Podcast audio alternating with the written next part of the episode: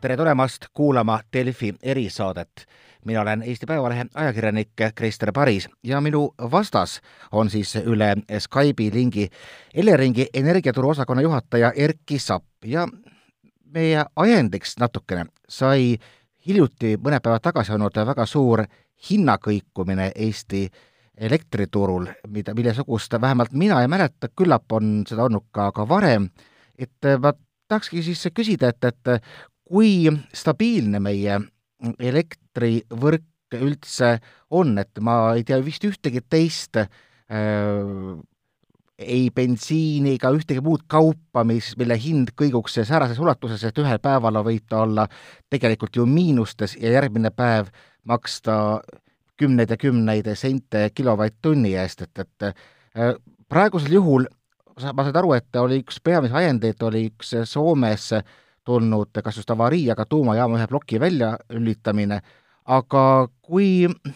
kui problemaatiline see on, see näitab, kas, kas see näitab seda, et meil on väga suur defitsiit, et isegi suhteliselt jahedad või sooja, soojade ilmadega ikkagi jääb meil elektrist nii palju puudu, et ühe ploki väljakukkumisel lendab hind kohe lakke?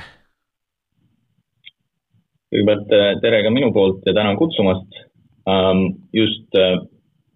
et äh, elektrihindade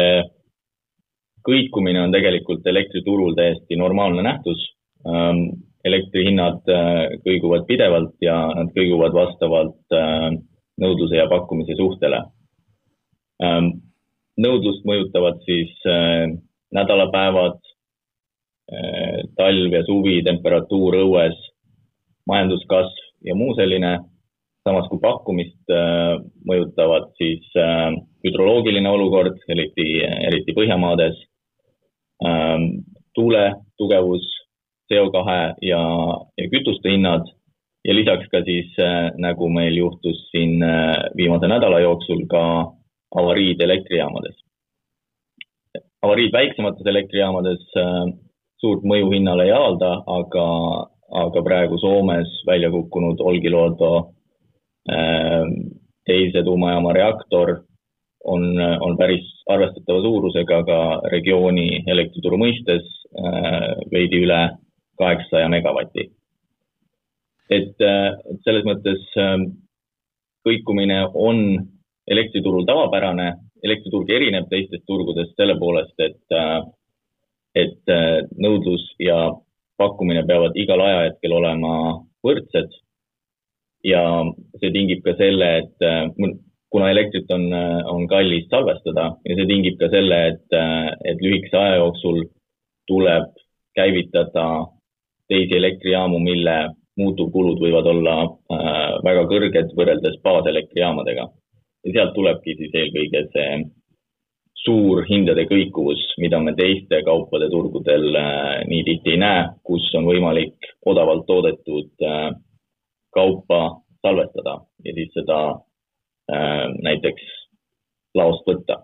Aga räägiks lahti selle, mis juhtub, kui tuleb selline avarii, et järsku plaksti lülitatakse mingisugune suur tootja välja, et ega ju ka, ka, ka isegi needsamad reservjaamad ja nad ei saa ju sekundiga üles minna, et mingi hetk tekib ikkagi kuskil täiesti selline suur puudujääk, et lähevad tuled pimedaks? ei te, tegelikult äh, elektrisüsteem on ehitatud selliselt äh,, et just nimelt äh, äh kõige suuremate elementide väljakukkumise ulatuses on olemas reservid, mis käivituvad hetkeliselt. ehk siis ähm, ja, ja siis järgnevad tegevused hakkavad sealt edasi, et need reservid, mis hetkeliselt käivitati, neid hakatakse vabastama äh, siis aeglasemalt käivituvate äh, elektrijaamadega, mis siis äh, jah, vabastavad jälle need reservid järjekordseks äh, avariiks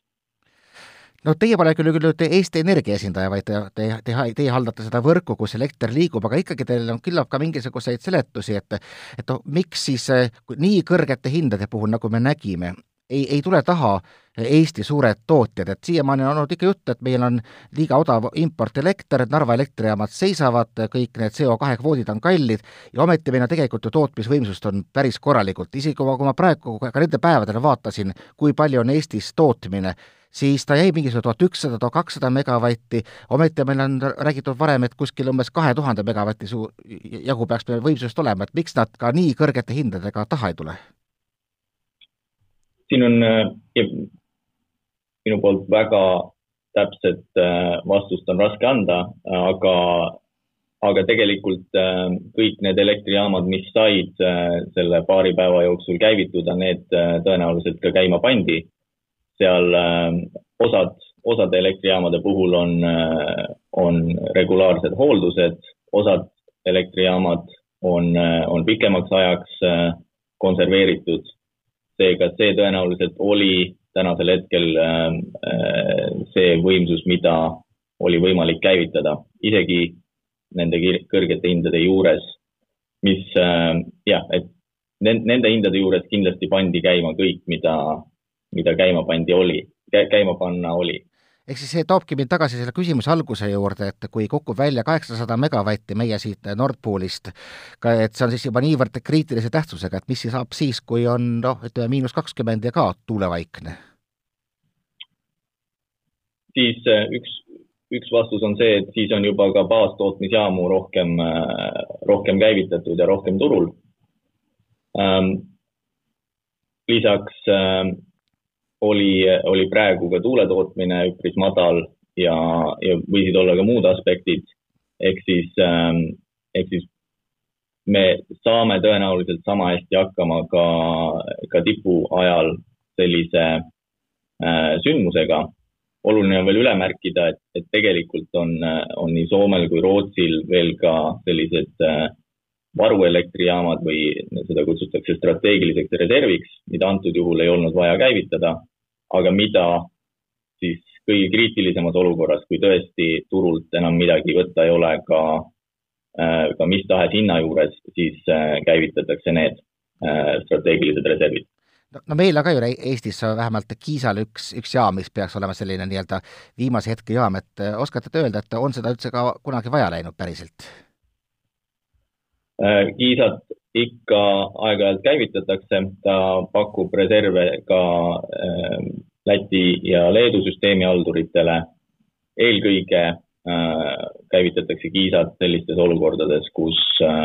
kus kukub välja kõige suurem Baltikumi element ja need täna, tänasel hetkel on ühendused Põhjamaadega, Leedu-Rootsi ühendus Nordbalt ja, ja Eesti-Soome ühendus Estlink kaks on kõige suuremad ja nende avariide korral on, on, on ka kiisad käivitatud mm. -hmm. aga läheme siis edasi just üldse sellise nagu suurema pildi juurde, et, et me mainisime ka seda, et oli tu-, tuulevaikne ilm ja, ja tegelikult nii palju, kui mina aru saan, on noh, paljuski ka kogu Euroopas, üldse võib-olla kõikjal on selline teatud määral õudusunenägu, et kui ehitatakse hästi palju eh, taastuvenergia tootjaid, tuulepargid ja muud, siis vabalt võib ikkagi juhtuda seda, seda, kus saabub kohale ütleme, ka paariks nädalaks just nimelt miinus kakskümmend viis kraadi, selge taevas, tuult ei ole, no päikest ka talvel ei ole, ehk siis peab panema käima kõik need baastootmisjaamad, aga kes küll tahaks ja mis, mispärast sinna investeerida, kui suurema osa ajast on selle energia liiga kallis ja, ja turule üldse ei pääse, et kuidas teie seda suuremat pilti näete? jah ähm,, paar mõtet selles osas, et, et kõigepealt äh, just sellise, selleks ongi olulise, oluline, et äh, elektriturul saaks tekkida vabalt äh, turuhind, et ka need tootmised to,, need tootmisüksused, mis saavad harva turule, saaksid oma kulud äh, tagasi teenida. ehk siis kindlasti ja ka täna ja, ja ka tulevikus on elektrijaamu, mis pääsevad äh, turule harva aga kui nad turule pääsevad, siis nad peavad teenima äh, tagasi oma kogu aasta kulud. vastasel korral need elektrijaamad suletakse ja, äh, ja varustuskindlus langeb. teine äh, oluline aspekt siin on see, et äh,, et tuule äh, installeerimisel tulebki vaadata laiemat geograafilist äh, äh, ulatust, ehk siis äh, kuna tuulikuid installeeritakse kogu Euroopas,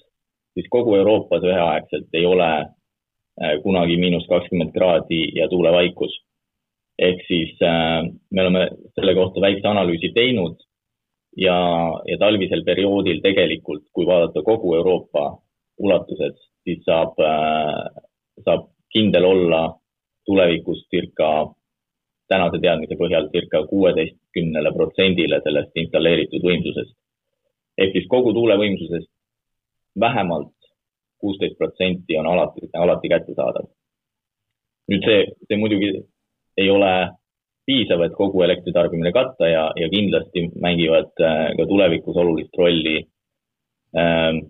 elektritootmisüksused, mis äh,, mis on juhitavad äh,. kas selleks valdavaks saab salvestus, kas valdavaks saavad äh, tuumaelektrijaamad või valdavaks saavad äh, süsiniku püüdmisega fossiilkütusejaamad.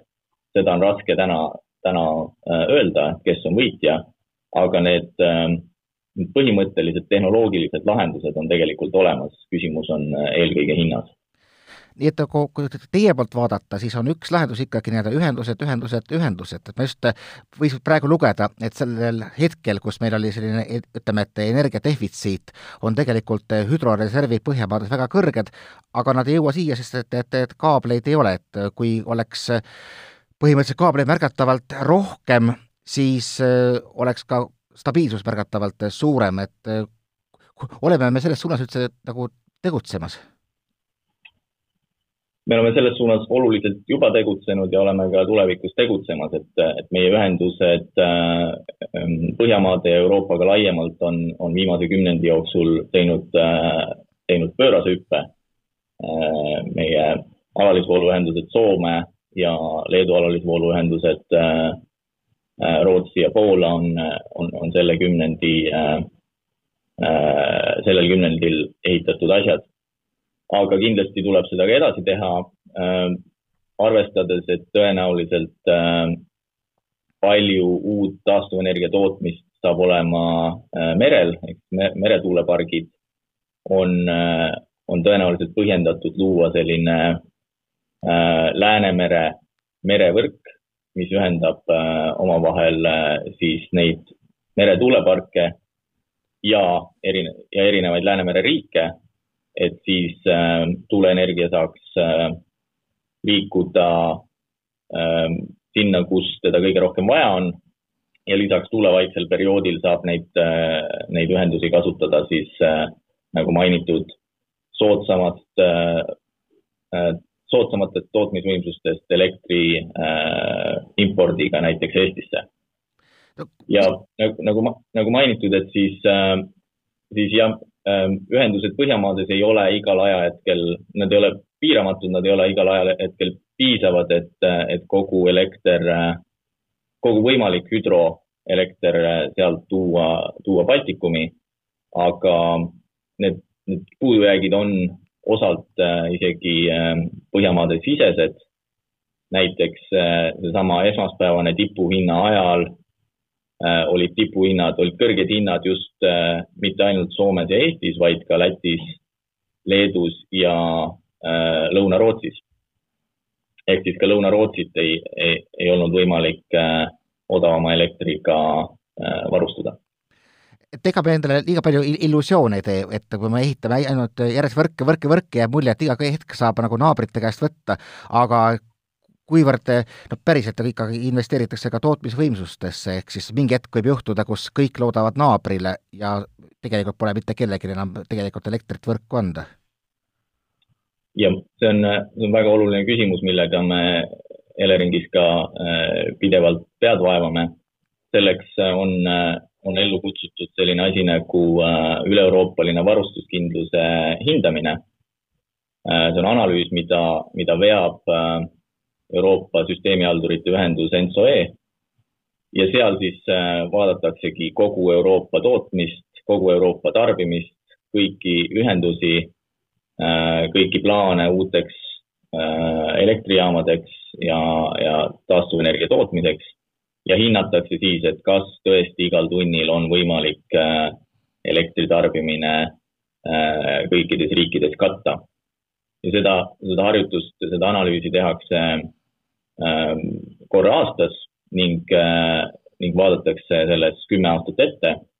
ja seniste analüüside põhjal on, selliste analüüside, selliste teadmiste põhjal on varustuskindlus nii Eestis kui ka, kui ka regioonis tagatud. ehk siis see on, see on õige küsimus. ülekandevõimsuse taga peab olema ka tootmisvõimsus, liinid elektrit ei tooda, aga tänase teadmise järgi on, on see tootmine olemas. aga, aga räägime selle lahti, et kui kui kaugelt üldse saab elektrit tuua, et selge ju, et liinidel on elektrikaod, et ütleme, kui ehitada Portugali tootmisvõimsus ja isegi kui on väga hea ühendus Eestiga, siis ta vaevalt, et siia jõuab, et mis on selline nagu mõistlik mm, nagu territoriaalne piir, millega üldse opereerida? jah, et tõenäoliselt niimoodi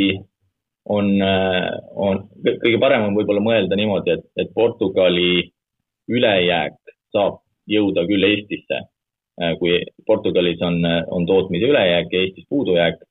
et, et see saab jõuda Portugalist Eestisse, ta lihtsalt, et elekter ei võta ette kogu seda teekonda mööda liine Portugalist Eestisse, vaid Portugali ülejääk tarbitakse Hispaanias, Hispaania sellest tingitud ülejääk tarbitakse Prantsusmaal ja nii, ja nii edasi ja nii edasi jõuab see tootmine välja siis äh, Eestisse. no kui kauge me sellest äh, unistusest võib-olla oleme, et ma mäletan, ma kunagi rääkisin volinik Kadri Simsoniga, kes ütles, et aga miks on meil ainult Nord Pool ja, ja muud poolid, et tegelikult võiks olla märksa ühisem nii-öelda Euroopa elektrivõrgustik, et äh, on see selline reaalsus? Tegelikult see suuresti on juba täna reaalsus, et me, meie elektriturg on tegelikult üle-euroopaline ja, ja ühine. Nord Pool on, on sellel üle-euroopalisel turul lihtsalt üks elektribörsidest, kes konkureerib teiste elektribörsidega nagu näiteks EPEX ähm,. samamoodi käib äh, elektrivõrgu planeerimine üle-euroopaliselt äh, sellesama mainitud ENTSO-E äh, eestvedamisel, kus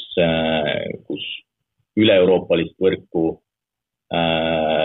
üle-euroopalise võrgu jaoks tehakse kümne aasta arengukava iga kahe aasta tagant.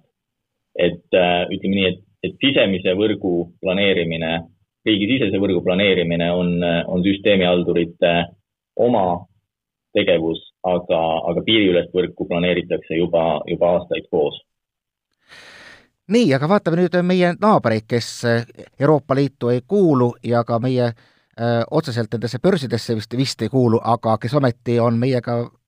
ühendatud mööda elektriliine. et sel aastal käivitus Valgevenes Astravetsi jaam, mille peale teatasid Balti riigid, et nemad sealt, sealtkaudu enam elektrit ei osta, samas tuli teade, et just nagu Läti ikkagi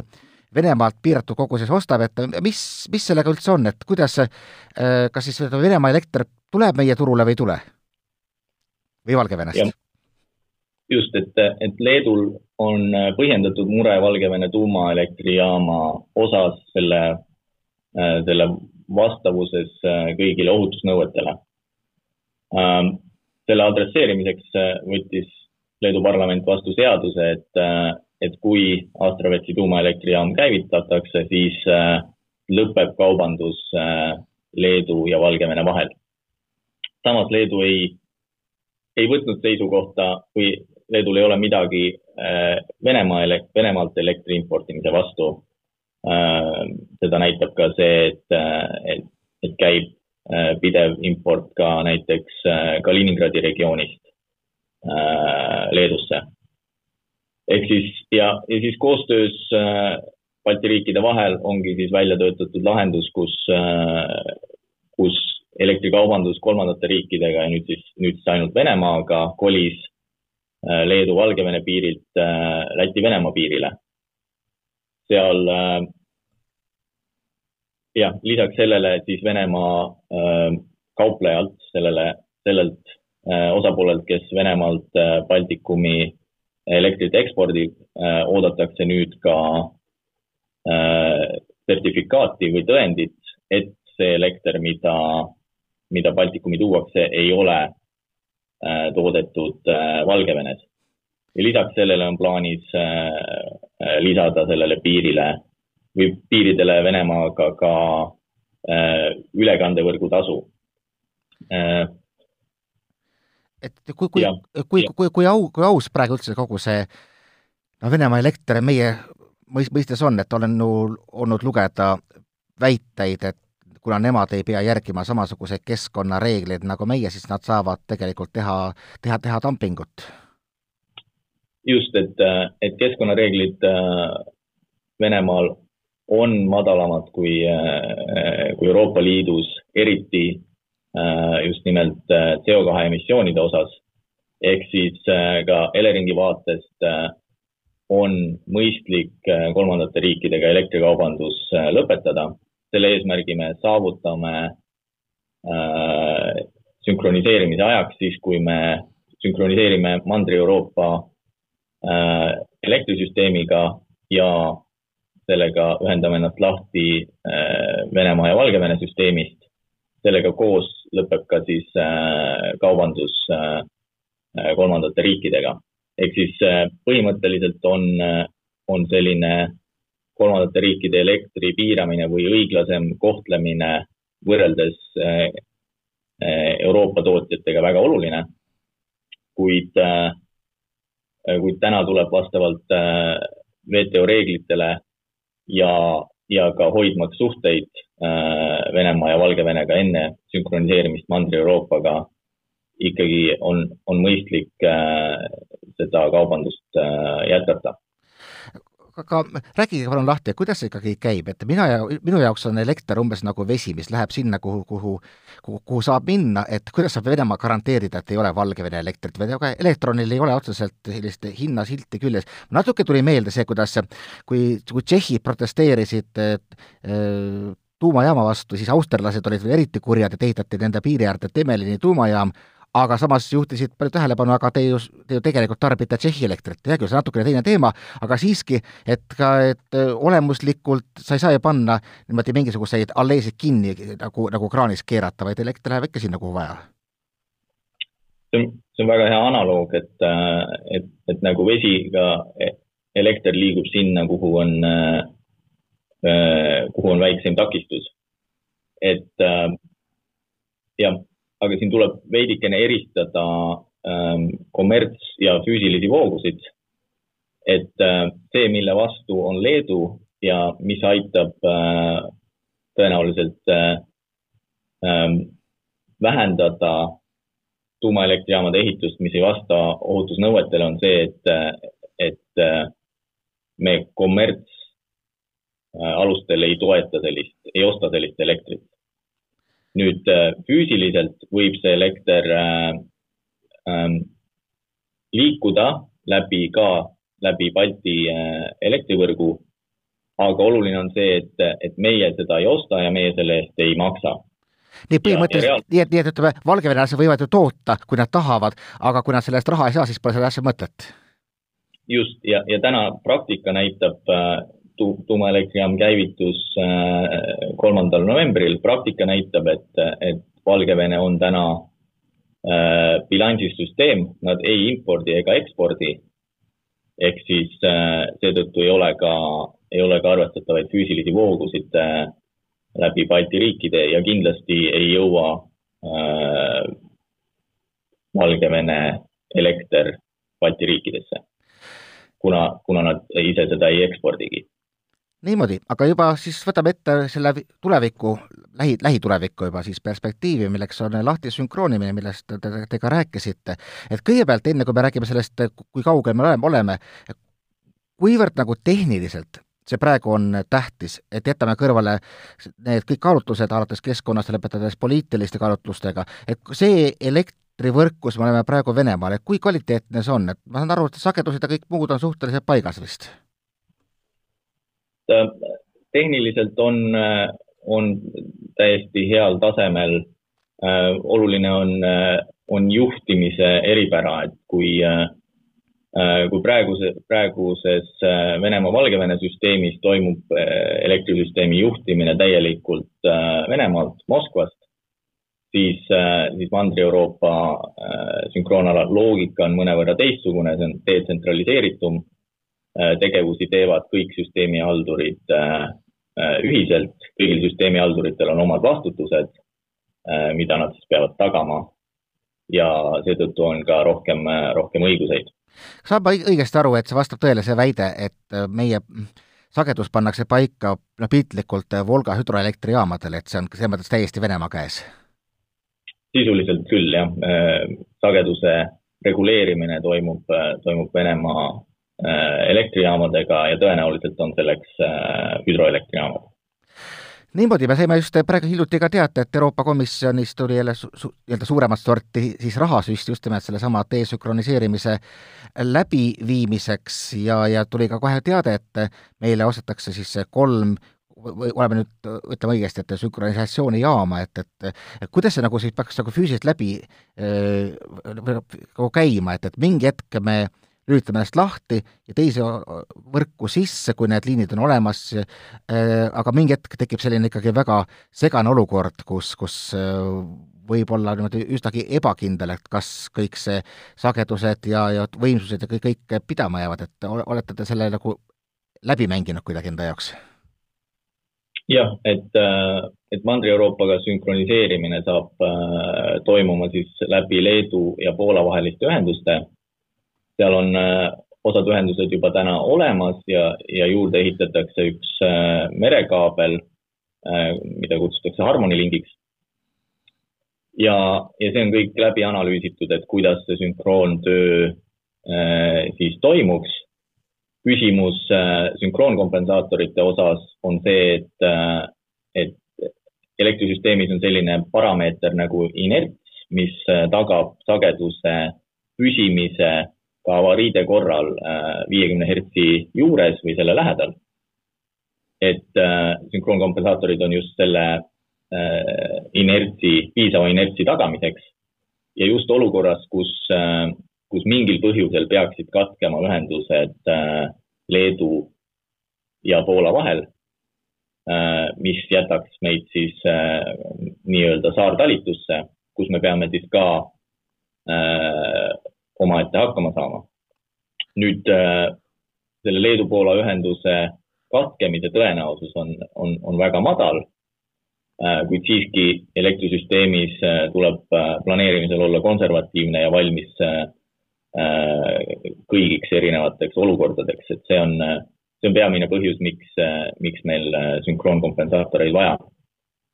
et sel hetkel, sel hetkel, kui me ennast hakkame Venemaast ütleme lahti ühendama, siis pannakse kõik, kõik käima ja, ja tagatakse maksimaalselt äh, stabiilsus. just. ja, ja lisaks on, on, on jah, väga, väga oluline mainida, et, äh, et see sünkroniseerimise projekt on väga, väga mastaapne projekt ja, ja, investeeringute poolest üle, äh, üle miljardi euro nii Balti riikides kui Poolas ja, ja seitsekümmend viis protsenti sellest Äh, on finantseerimas äh, Euroopa Liit läbi, äh, läbi Euroopa ühendamise rahastu, et see on väga, väga oluline, et, et see projekt saab ellu viidud ja ei mõjuta ähm, elektritarbijate võrgutariifi. Aga seletage palun lahti, noh, Poola on kaugel, Soome on lähedal, ma saan aru, et mere alt on tuua vahelduv vool suhteliselt keerukas läbi, aga vist ka mitte päris võimatu, miks, miks me sünkroniseerib ennast sellise nii-öelda kauge piirkonnaga, kui samas tugevad Põhjamaad on kõrval kohe? jah, see oli üks äh, kaalutud variantidest, äh, kaalusime mõlemat varianti, nii, äh, nii sünkroniseerimist Mandri-Euroopaga kui ka Põhjamaade sünkroonalaga. Ähm, siin saigi otsustavaks siis äh, vastavasisuline uuring, mis näitas, et äh, Mandri-Euroopaga ühendumine on lihtsalt mõnevõrra odavam kui, äh, kui nende vahelduvvoolukaablite tegemine Põhjamaadesse kui, kui, kui hea on, ütleme, kui me enne rääkisime Venemaa turu kvaliteedist, on see just nimelt e-, Euroopas, et ma jah, tõesti, et igaüks tagab oma sagedused ise, nagu te mainisite, on nagu teistsugune juhtimine, aga võis ometi lugeda ka nüüd mitte sel, aga vist möödunud suve, kus olid Balkanil nii suured probleemid näiteks sageduse hoidmisega, et inimestel jäid kellad taha ja puha, et, et et, et kas me mitte ei lähe olemuslikult äh, halvemasse kvaliteeti? ei, halvemasse kvaliteeti me kindlasti ei lähe, et, et omad probleemid on äh, on kindlasti mõlemad ja need on siiski ähm, Mandri-Euroopas ikkagi äh,, ikkagi skaalalt väikesed probleemid ja nendega, nendega tegeletakse ja need on, äh, need on tänaseks lahenenud. et me kindlasti jah, ei lähe kuidagi äh, kehvemasse kvaliteeti Mandri-Euroopa sünkroonala on, on, on väga suur ja, ja stabiilne sünkroonala. nii, aga võtame siis kõik kokku, et kui, kui kiire meil selle mm, Venemaast lahtiühendamisega on, et äh, ma kujutaks ühest küljest ette, et nad on suhteliselt nii-öelda õnnetud, teisest küljest on nad kindlasti teinud ka selleks ise ettevalmistusi ja kolmandaks võib juhtuda ka niimoodi, et äh, nad äh, noh, ma ei tea, mingitel poliitilistel kaalutlustel astuvad ennetavaid samme ja enne, kui meil on need kõik liinid olemas Poolaga, jäetakse meid siia üsna omapäi. jah, mõistlik on olla valmis äh, äh iseseisvaks sünkroontööks või, äh, või sünkroniseerimiseks Mandri-Euroopaga nii kiiresti kui võimalik. Äh, plaani järgi saab, saame me seda, äh, oleme me valmis kahe tuhande kahekümne viiendal aastal. Nüüd see tähendab siis, siis me oleme valmis kõigi investeeringutega, mis on muretuks sünkroontööks vajalikud kuid, äh, kuid kindlasti me oleme juba varem valmis, äh, kui midagi erakorralist peaks, äh, peaks juhtuma nii et ütleme, kui piltlikult tuleb Venemaa poole pealt elektrik ja võtab suured käärid ja lõikab need liinid läbi, siis praegu me juba saame hakkama? jah.